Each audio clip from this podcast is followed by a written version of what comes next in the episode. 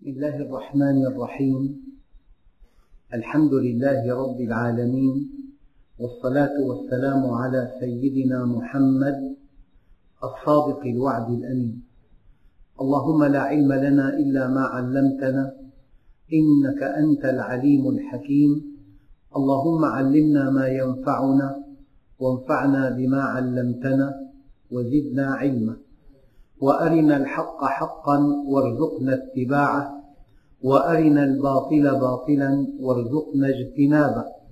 واجعلنا ممن يستمعون القول فيتبعون أحسنه وأدخلنا برحمتك في عبادك الصالحين.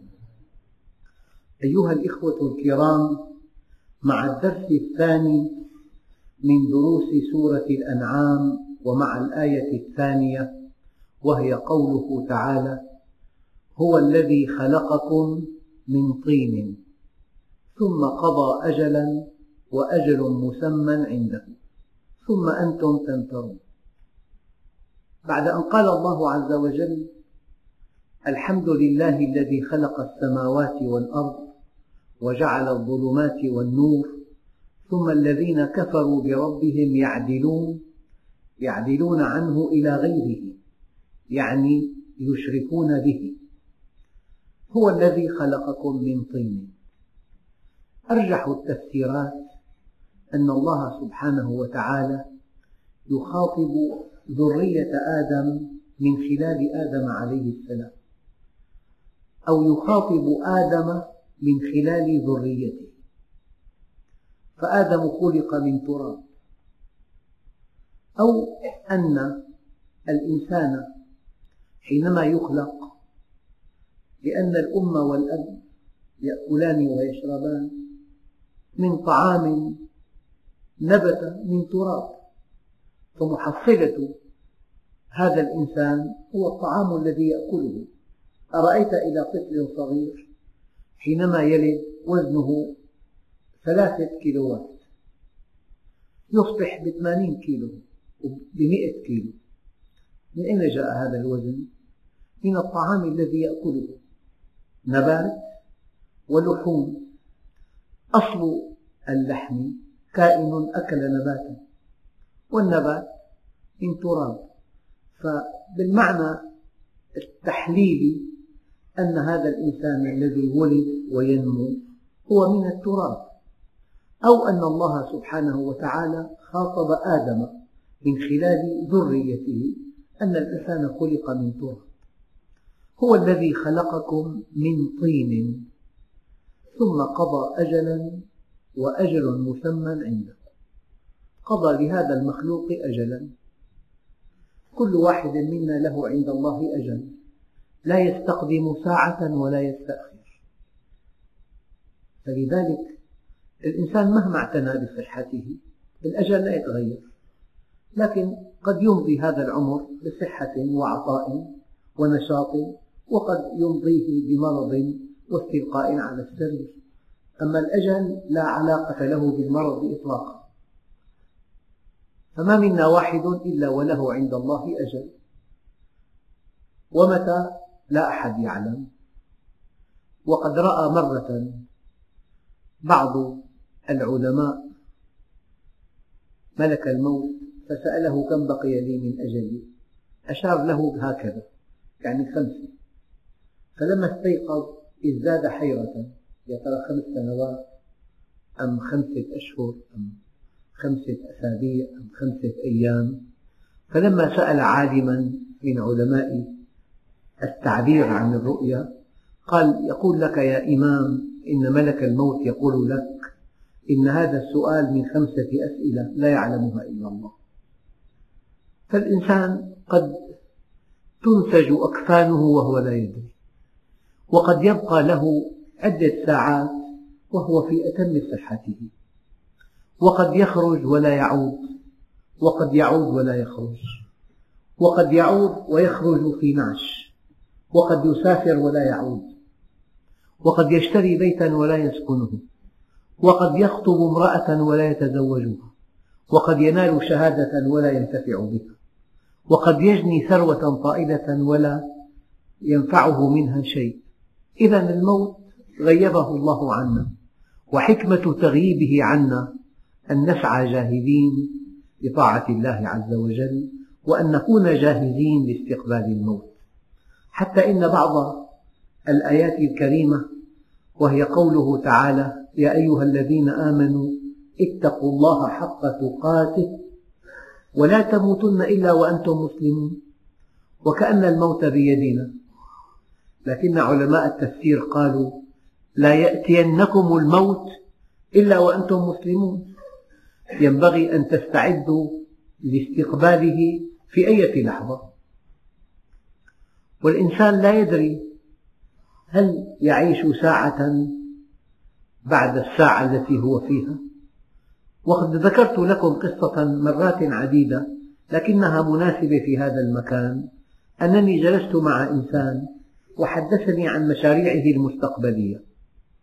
ولا أبالغ حدثني عن عشرين عاما قادمة وسوف يسافر وسوف يقيم في هذا البلد خمس سنوات وسوف يزور في الصيف هذا البلد في أول صيف وهذا البلد في ثاني صيف وهذا البلد في ثالث صيف. وهذا البلد في رابع صيف ويعود ويقدم استقالته ويأخذ التعويض وينشئ محل تجاري يبيع فيه التحف ويجعله منتدى فكريا. ساح معي عشرين عام قادمة وأقسم بالله العظيم أنني رأيت نعوته في اليوم نفسه في اليوم نفسه وأذكر قصصا عديدة تؤكد هذا المعنى.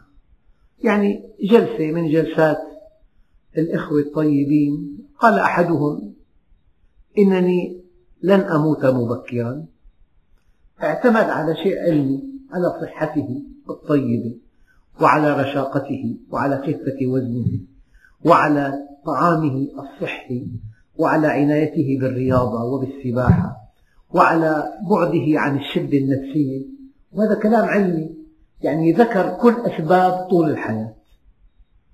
ذكر هذا يوم السبت وكان في السبت التالي تحت الأرض. طبيب بأمريكا يرى أن الجري هو الطريق الوحيد لوقاية القلب من الاحتشاء والنوبات القلبية والجلطات.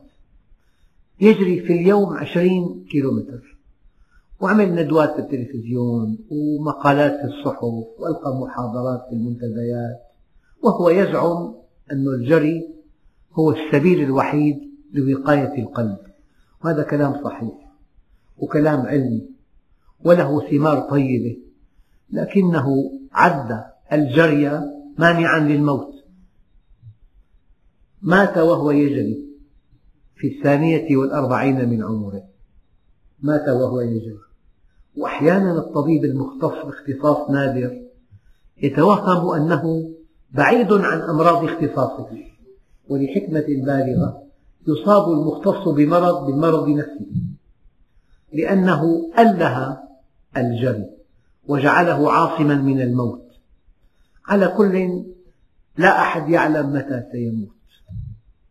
وقد أخفى الله أجل الإنسان ليكون مستعدا في كل لحظة للقاء الله عز وجل. هذا ينتج عنه أن تكتب وصية.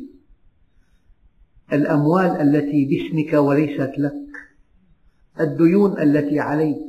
الأمانة المودعة في بيتك. الأموال التي ودعتها في صندوق في حوزتك مفتاحه.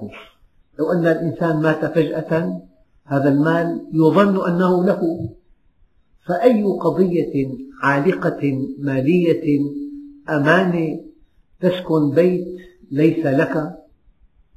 سجل باسمك بيت هروبا من ضريبة معينة فأي علاقة مالية ينبغي أن تكون واضحة في وصية؟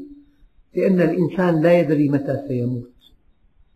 حدثني أخ أودع عند إنسان مبلغ من المال ليغير له نوع العملة بعد ساعتين. في هاتين الساعتين جاءته المنية وليس مع أهله إيصال إطلاقا. وحدثني أخ أيضا أنه أودع عنده مبلغ فلكي لاستثماره وليس في حوزة الأهل علم ولا إيصال. ومات فجأة صاحب المبلغ ولولا أن الذي أودع عنده المال أمين لأكله على ورثته. فهذا الكلام يعني أن تكون مستعدا للقاء الله دائما مستعدا بتوبة مستعدا بطاعة مستعدا بأداء عبادة مستعدا بتوضيح العلائق المالية التي يمكن أن تكون سببا. إما أن تطعم الناس مالا حراما أو أن تأكل أنت مالا حراما وأنت لا تدري. هو الذي خلقكم من طين ثم قضى أجلا. لكل واحد منا أجل. لا يقدم ولا يؤخر. يعني في بعض البرامج في الكمبيوتر تعطيه تاريخ الميلاد. يقول لك بعد ثوان أنت بلغت من العمر فرضا ثلاثة وخمسين عاما وثمانية أشهر وأربعة أيام وخمس ساعات وسبع دقائق وثمان ثواني بالدقيقة. والإنسان بضعة أيام كلما انقضى يوم انقضى بضع منه. كلما انقضى يوم انقضى بضع منه. دقات قلب المرء قائلة له إن الحياة دقائق وثواني لذلك أدق تعريف للإنسان أنه بضعة أيام. كلما انقضى يوم انقضى بضع منه وما من يوم ينشق فجره إلا وينادي يا ابن آدم أنا خلق جديد وعلى عملك شهيد. فتزود مني فإني لا أعود إلى يوم القيامة. والإنسان إذا نام قد لا يستيقظ. أحد علماء دمشق الكبار آوى إلى الفراش وقبل أن يؤوي إلى الفراش تسلم رسالة مني وبعث إلي بسلام حار وأثنى على خطة العيد. وفي الصباح قيل لابنه أيقظ والدك على صلاة الفجر. كان ميتا. يعني الإنسان يموت فجأة. قد ينام ولا يستيقظ. قد يستيقظ ولا ينام. قد يذهب ولا يعود. والإنسان يقرأ كل يوم نعوة الآخرين. هذا عميد أسرتهم وهذا الطبيب وهذا المهندس وهذا آه، العالم وهذا الصيدلي وهكذا. وفي أحد الأيام لا بد من أن يقرأ الناس نعوتنا. شئنا أم أبينا؟ وندخل كل يوم إلى المسجد لنصلي وسوف ندخله مرة ليصلى علينا ومرة قرأت كلمة أعجبتني صلي قبل أن يصلى عليك. هو الذي خلقكم من طين ثم قضى أجلا. هذا الأجل أجل كل إنسان. لذلك أحد أسباب النجاح في الحياة الدنيا أن تبدأ من النهاية. ما هي النهاية؟ الموت. هذا أخطر حدث في حياة الإنسان. بل إن الله قدمه على الحياة. قال تعالى هو الذي خلق الموت والحياة ليبلوكم أيكم أحسن عملا. هو الذي خلق الموت والحياة ليبلوكم أيكم أحسن عملا. ودائما أقول أدق تعريف جامع مانع للذكاء هو التكيف. ولأن أخطر حدث سيكون هو الموت فأعلى أنواع الذكاء أن تتكيف مع الموت. تتكيف مع الموت بالتوبة والاستقامة وإتقان العبادة والإنفاق من مالك وتربية أولادك ورعاية من حولك. هكذا تستعد للموت. ودائما أحب أن أوضح هذا المثل. يعني إنسان فقير جدا. جاءه عرض مغر جدا. أنك إن نلت الدكتوراه يمكن أن تكون في أعلى منصب وفي أجمل بيت وتقترن بأجمل امرأة مثلا ولك بيت في المصيف وبيت على البحر ومركبة فارهة إلى آخره. إن هذا الذي يحلم به الناس دائما. وذهب إلى بلد غربي ليدرس فقير جدا. اضطر أن يعمل في المطاعم اضطر أن يكون حارس يعمل ساعات طويلة بالبرد والحر وعمل مهين أحيانا ويدرس في الليل ويذهب إلى الجامعة في النهار ويسهر إلى ساعة متأخرة في تحضير ما عليه أن يحضره. وأمضى سنوات طويلة حتى نال الدكتوراه. وأخذ الشهادة وصدقها من الخارجية والقنصلية وما إلى ذلك. ثم قطع بطاقة العودة وذهب إلى المطار. ونودي على الركاب أن يتجهوا إلى الطائرة. ومعه بطاقة الصعود. فإذا وضع رجله في درج الطائرة هو بحسب وضعه وطموحاته والوعود التي وعد بها هو الآن أسعد إنسان في الأرض. لأنه حينما وضع رجله على سلم الطائرة مضت مرحلة الشقاء مرحلة التعب مرحلة الهم مرحلة القلق مرحلة الجهد الكبير والدخل القليل. وجاءت مرحلة الغنى والعز والراحة وما إلى ذلك. هذا حال المؤمن. حينما يأتيه ملك الموت.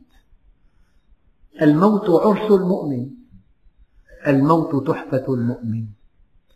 وكربتاه يا أبت قال لا كرب على أبيك بعد اليوم. التعب انتهى. الجهد انتهى. التكليف انتهى. مجاهدة النفس والهوى انتهت. معاناة الدعوة انتهت. خصوم الإيمان انتهينا منهم. أعداء الدين انتهينا منهم. كل متاعب الدنيا تنتهي.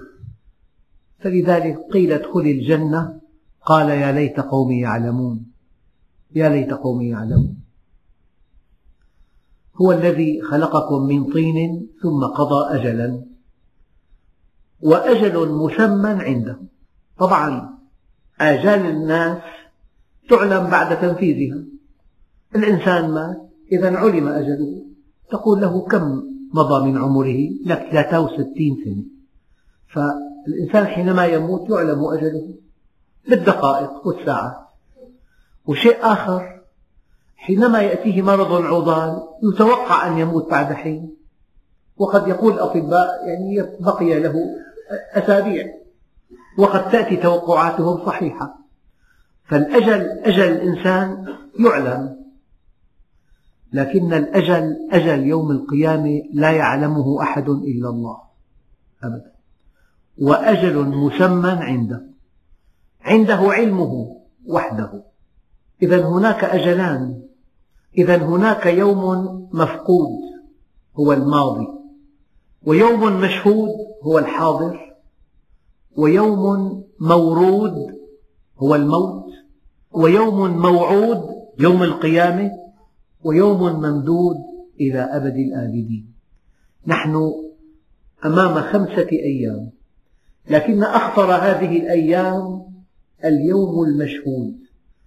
لأنك في هذا اليوم المشهود يمكن أن تتوب إلى الله ويمكن أن تصطلح معه ويمكن أن تنفق من مالك ويمكن أن تعمل لآخرتك. ثم أنتم تمترون. الامتراء هو الشك. يعني تجادلون من قبيل الشك. يعني يقول لك بعضهم من الذي مات ورجع فأخبرنا بما رأى؟ إله عظيم خلق السماوات والأرض وكل هذا الكون يشهد له بعظمته. وأنزل على عبده الكتاب وإعجاز هذا الكتاب يشهد أنه كلام الله. وقد أخبرك الله عز وجل عن مشاهد يوم القيامة. ثم أنتم تمترون. بل هل يعقل أن تكون الدنيا من دون آخرة؟ هل يعقل أن يكون القوي قويا والغني غنيا والضعيف ضعيفا والمظلوم مظلوما والمقهور مقهورا والفقير فقيرا والمريض مريضا والصحيح صحيحا وتنتهي الدنيا هكذا بلا حياة أخرى؟ إذا أردت أن تتجاوز الآخرة يقفز أمامك آلاف الأسئلة. ليس لها جواب. بل إن بعض العلماء الكبار يرى أن الإيمان باليوم الآخر أصله عقلي وتفصيلاته نقلية.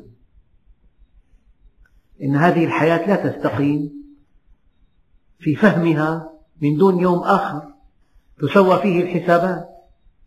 هؤلاء الطغاة في الأرض يقتلون ويهدمون البيوت ويستبحون المحرمات ويقتلون المرضى والأطفال وكأنهم يقتلون حيوانات وهم مرتاحون. وتنتهي الحياة هكذا. أناس يموتون من التخمة وأناس يموتون من الجوع. وحقوق الفقراء عند الأغنياء وتنتهي الحياة. أناس قاهرون وأناس مقهورون. أناس ظالمون وأناس مظلومون. وتنتهي الحياة من دون تسوية حسابات. أيحسب الإنسان أن يترك سدى؟ أفحسبتم أنما خلقناكم عبثا؟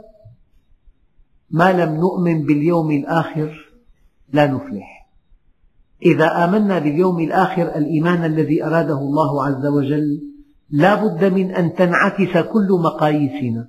تنعكس. إذا آمنت باليوم الآخر رأيت الإنفاق هو الذكاء وليس أخذ المال. رأيت بذل الجهد لخدمة الخلق هو الذكاء وليس أن تستخدم جهود الآخرين. رأيت أن التواضع هو الذكاء وليس أن تستعلي على عباد الله. فإذا آمنت باليوم الآخر لا بد من أن تنعكس كل المقاييس التي تقيس بها الأمور. هو الذي خلقكم من طين ثم قضى أجلا وأجل مسمى عنده ثم أنتم تمترون. يعني في جامعة في الأرض من دون امتحانات ما في مؤسسة في الأرض للخريجين ميزات كبيرة من دون امتحانات هل سمعت عن جامعة أن طالبا يقدم طلبا يرجى أن أمنح الدكتوراه من دون دراسة من دون تأليف أطروحة من دون مناقشة من دون جهد كبير؟ مستحيل. ثم أنتم تمترون بما سيكون بعد الموت بحساب دقيق. فوربك لنسألنهم أجمعين عما كانوا يعملون. ما لهذا الكتاب؟ لا يغادر صغيرة ولا كبيرة إلا أحصاها ووجدوا ما عملوا حاضرا ولا يظلم ربك أحدا معنى تمترون إذا تجادلون شاكين في أحقيتها أو بدافع من الشك. وهو الله في السماوات والأرض. إله في السماء وهو في الأرض إله أيضا. يعني أمرنا بيده يعلم سركم وجهركم. الإنسان يكتم أشياء كثيرة عن من حوله. فأسراره يعلمها الله. يعلم ظاهره ويعلم باطنه. يعلم علانيته ويعلم سره. يعلم أحوال قلبه وخواطره. إن تكلم الإنسان فالله سميع. وإن انطوى على همة أو على نية فالله عليم. وإن تحرك فالله بصير. إن تحرك فهو بصير. وإن قال فهو سميع. وإن سكت فهو عليم. الآن ويعلم ما لا تعلمون. يعني علم ما كان وعلم ما يكون وعلم ما لم يكن. لو كان كيف كان يكون. يعلم السر وأخفى. يعلم الذي تسره ويعلم الذي يخفى عنك أنت. وهو الله في السماوات وفي الأرض. يعلم سركم وجهركم ويعلم ما تكسبون. الكسب هنا العمل الذي ينتهي بمنفعة أو العمل الذي ينتهي بمضرة. هذا هو كسب الإنسان. كل إنسان له عمل في الحياة. بالمعنى المطلق. يعني إنسان في حرفته صادق ومتقن وأمين ولا يغش أحدا. وفي بيته إنسان صالح ومعتني ورحيم وحليم. فمجموع هذه الشخصية في البيت وفي الطريق وفي العمل وفي الفرح وفي الترح وفي الحضر والسفر وفي كل نشاطات الإنسان هذا إنسان صالح. وفي إنسان آخر له موقف مع الناس موقف مع ذاته. هذا النفاق وفي إنسان سيء مع الجميع. هذا الفاجر الذي لا يبالي بسمعته إطلاقا. إذا يعلم ما تكسبون. يعني الحركة بالحياة هي الكسب. في حركة خيرة وحركة شريرة. حركة تؤدي إلى منفعة وحركة تؤدي إلى مضرة. حركة تؤدي إلى سعادة. حركة تؤدي إلى شقاء. هذا يعلم ما تكسبون. الكسب هو السعي الذي يسعى فيه الإنسان لمنفعة أو يتلافى بها مضرة أو ليستحق عليها مضرة. ثم يقول الله عز وجل وما تأتيهم من آية من آيات ربهم إلا كانوا عنها معرضين. ما أكثر العبر وما أقل المعتبرين. العبر تترى. أحيانا تجد قصصا صارخة تبين عدل الله وتبين رحمته. وتبين فضله وتبين غضبه أحيانا تبين بطشه تبين إكرامه. فهناك عبر لا تعد ولا تحصى. والله عز وجل يسوقها لعباده كي يعرفوا أنه في السماء إله وفي الأرض إله وأن الأمر كله بيده وأن الأمر راجع إليه. وما تأتيهم من آية من آيات ربهم إلا كانوا عنها معرضين ولكن ولكن أنت حينما تحلل الأحداث تحليلا توحيديا وتبين أن الناس حينما تنزل عليهم المصائب يستحقونها أحيانا لأنه ما نزل بلاء إلا بذنب ولا يرفع إلا بتوبة. أنت حينما تشرح هذا الشرح هناك أناس يتألمون أشد الألم. فإذا ذكر الله وحده اشمأزت قلوب الذين لا يؤمنون بالآخرة. وإذا ذكر الله وحده اشمأزت قلوب الذين لا يؤمنون بالآخرة. أما إذا حللت الأحداث تحليل أرضي وشركي وزيد وعبيد وفلان وعلان والقوة الفلانية والقوة الفلانية. التحليل الأرضي مقبول عند المشركين والتحليل الأرضي مقبول عند من يئس من الآخرة والتحليل الأرضي الشركي مقبول عند أهل الدنيا. أما التحليل التوحيدي غير مقبول قد تجري أحداث طاحنة في بلاد مجاورة. طبعا في آلاف التحليلات لكن حينما تقرأ قوله تعالى ضرب الله مثلا قرية كانت آمنة مطمئنة يأتيها رزقها رغدا من كل مكان فكفرت بأنعم الله فأذاقها الله لباس الجوع والخوف بما كانوا يصنعون. هذا تحليل قرآني لأحداث جسيمة ظهرت. لذلك المؤمن يرضيه التحليل التوحيدي الإيماني. بينما الذي لا يؤمن بالآخرة لا يرضيه أبدا التحليل التوحيدي الإيماني بل يبحث عن تحليل شركي أرضي. وما تأتيهم من آية من آيات ربهم إلا كانوا عنها معرضين. فقد كذبوا بالحق لما جاءهم فسوف يأتيهم أنباء ما كانوا به يستهزئون. الحقيقة أيها الإخوة أن كل الحقائق التي جاء بها الأنبياء يكشفها الإنسان عند الموت. فكشفنا عنك غطاءك فبصرك اليوم حديد. الحقائق التي جاء بها الأنبياء يعرفها أكثر كفار الأرض عند الموت. الدليل فرعون الذي قال أنا ربكم الأعلى. والذي قال ما علمت لكم من إله غيري. حينما أدركه الغرق قال آمنت بالذي آمنت به بنو إسرائيل. الشيء المؤلم أيها الإخوة أن خيارك مع الإيمان خيار وقت فقط. لا بد من أن تؤمن عند الموت ولكن بعد فوات الأوان. يوم لا ينفع نفسا إيمانها لم تكن آمنت من قبل أو كسبت في إيمانها خيرا خيارك مع ملايين الأشياء خيار قبول أو رفض إلا مع الإيمان. خيار وقت. إما أن تؤمن قبل فوات الأوان أو أنه لا بد من أن تؤمن بعد فوات الأوان. فقد كذبوا بالحق لما جاءهم. فسوف للاستقبال فسوف يأتيهم أنباء ما كانوا به يستهزئون.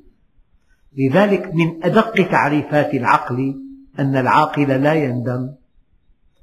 يعني الذي سيأتي توقعه الذي سيأتي في المستقبل توقعه فتكيف معه فلم يكن مفاجئا له. يعني مثلا طالب يعلم علم اليقين أن الأستاذ نزيه جدا. ومعطاء في الدرس. وفي امتحان دقيق وتصحيح أدق وفي نجاح بجدارة وفي رسوب بجدارة. يعني ما درس؟ لك رسب بجدارة. مثلا فدرس أمضى كل العام في الدراسة.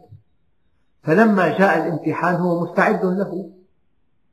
ما في عنده مفاجأة. سؤال الامتحان أجاب عنه. والثاني أجاب عنه والمسألة حلت والتحليل حلله وإكمال الجمل أكملها وملء الفراغات أملأها وعلامته تامة. الطالب الثاني قال له صديقه الأستاذ من عادته أن يعطي الأسئلة لمن يقدم له هدية قبل الامتحان. فبرك. ما في داعي يدرس. أمضى العام الدراسي كله. في النزهات وفي النوادي والملاهي وفي اللعب اعتمادا على وهمه أن الأستاذ سوف يعطي الأسئلة لمن قدم له هدية ثمينة فجاء بالهدية وقدمها إليه فتلقى منه صفعتين. وعرف الحقيقة آه، قبل الامتحان بيوم واحد. هذه القصة كلها؟ إنسان علم ما سيكون فتكيف مع ما سيكون. وإنسان جهل ما سيكون وفوجئ بما سيكون. فما هو العقل؟ العقل هو التكيف مع المستقبل أو الذكاء هو التكيف. فقد كذبوا بالحق لما جاءهم فسوف يأتيهم أنباء ما كانوا به يستهزئون. يعني لما إنسان يرتكب جريمة لا يمكن لمجرم أن يرتكب جريمة إلا وهو يتوهم أنه سينجو من العقاب. كل أحلامه بهذا المال الذي سيسرقه. من هذا المقتول. بعد أيام صار في السجن. بعد عشرين يوم على حبل مشنقة. هذا الواقع. لذلك أخطر شيء بحياة الإنسان صحة الرؤية. وأسوأ شيء بحياة الإنسان خطأ الرؤية.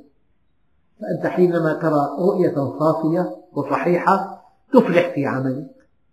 من هنا كان دعاء النبي عليه الصلاة والسلام. اللهم أرنا الحق حقا وارزقنا اتباعه وأرنا الباطل باطلا وارزقنا اجتنابه. ألم يروا كم أهلكنا من قبلهم من قرن؟ القرن قالوا ستين سنة سبعين ثمانين حتى المئة. يعني مئة عام تقريبا الناس كلها التقت مع بعضها بعضا. نحن في هالبلدة الطيبة الناس كلهم يعرف بعضنا بعضا.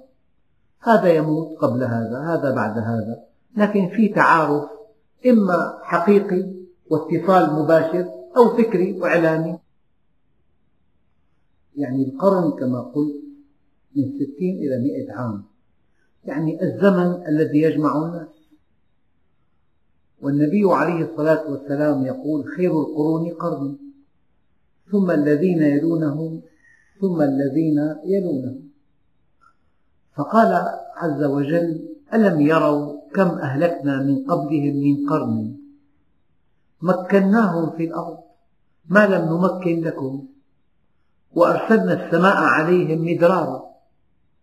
أحيانا الإنسان يذهب إلى بلاد الغرب يقول لك جنات كلها خضراء. قد يركب مركبة ساعات طويلة. كل الجبال خضراء. كل السهول خضراء. كل الوديان خضراء. الأنهار البحيرات الأطيار الأسماك. بلاد جميلة جدا. قال ألم يروا كم أهلكنا من قبلهم من قرن مكناهم في الأرض؟ ما لم نمكن لكم. وأرسلنا السماء عليهم مدرارا وجعلنا الأنهار تجري من تحتهم. يعني أمطار من السماء وأنهار في بساتين وجنات. فأهلكناهم بذنوبهم وأنشأنا من بعدهم قرنا آخرين. هو العطاء الدنيوي ليس دليل أن الله راض عن هؤلاء. إن الدنيا عرض حاضر يأكل منه البر والفاجر. والآخرة وعد صادق يحكم فيه ملك عادل. فالدنيا تعطى لمن يحب ولمن لا يحب. أعطاها الله لقارون وهو لا يحبه. قال إنما أوتيته على علم عندي. فخسفنا به وبداره الأرض. أعطاها لفرعون وهو لا يحبه. لكن الذين يحبهم ماذا أعطاهم؟ قال فلما بلغ أشده واستوى آتيناه حكما وعلما. الذين أحبهم أعطاهم العلم وعلمك ما لم تكن تعلم وكان فضل الله عليك عظيما. الذين أحبهم أعطاهم الحكمة الذين أحبهم أعطاهم السكينة الذين أحبهم أعطاهم الأمن. هذه ثمار الإيمان اليانعة أن ترضى عن الله أن تكون آمنا في سربك معافى في جسمك عندك قوت يومك. أن تكون حكيما أن تكون راضيا عن الله عز وجل. أن يكون لك سمعة طيبة. إذا ألم يروا كم أهلكنا من قبلهم من قرن مكناهم في الأرض ما لم نمكن لهم؟ يعني قوة الأمم والشعوب ليست دليلا على أنها قريبة من الله عز وجل. وقد يكون العكس أحيانا. وأرسلنا السماء عليهم مدرارا الأمطار الغزيرة.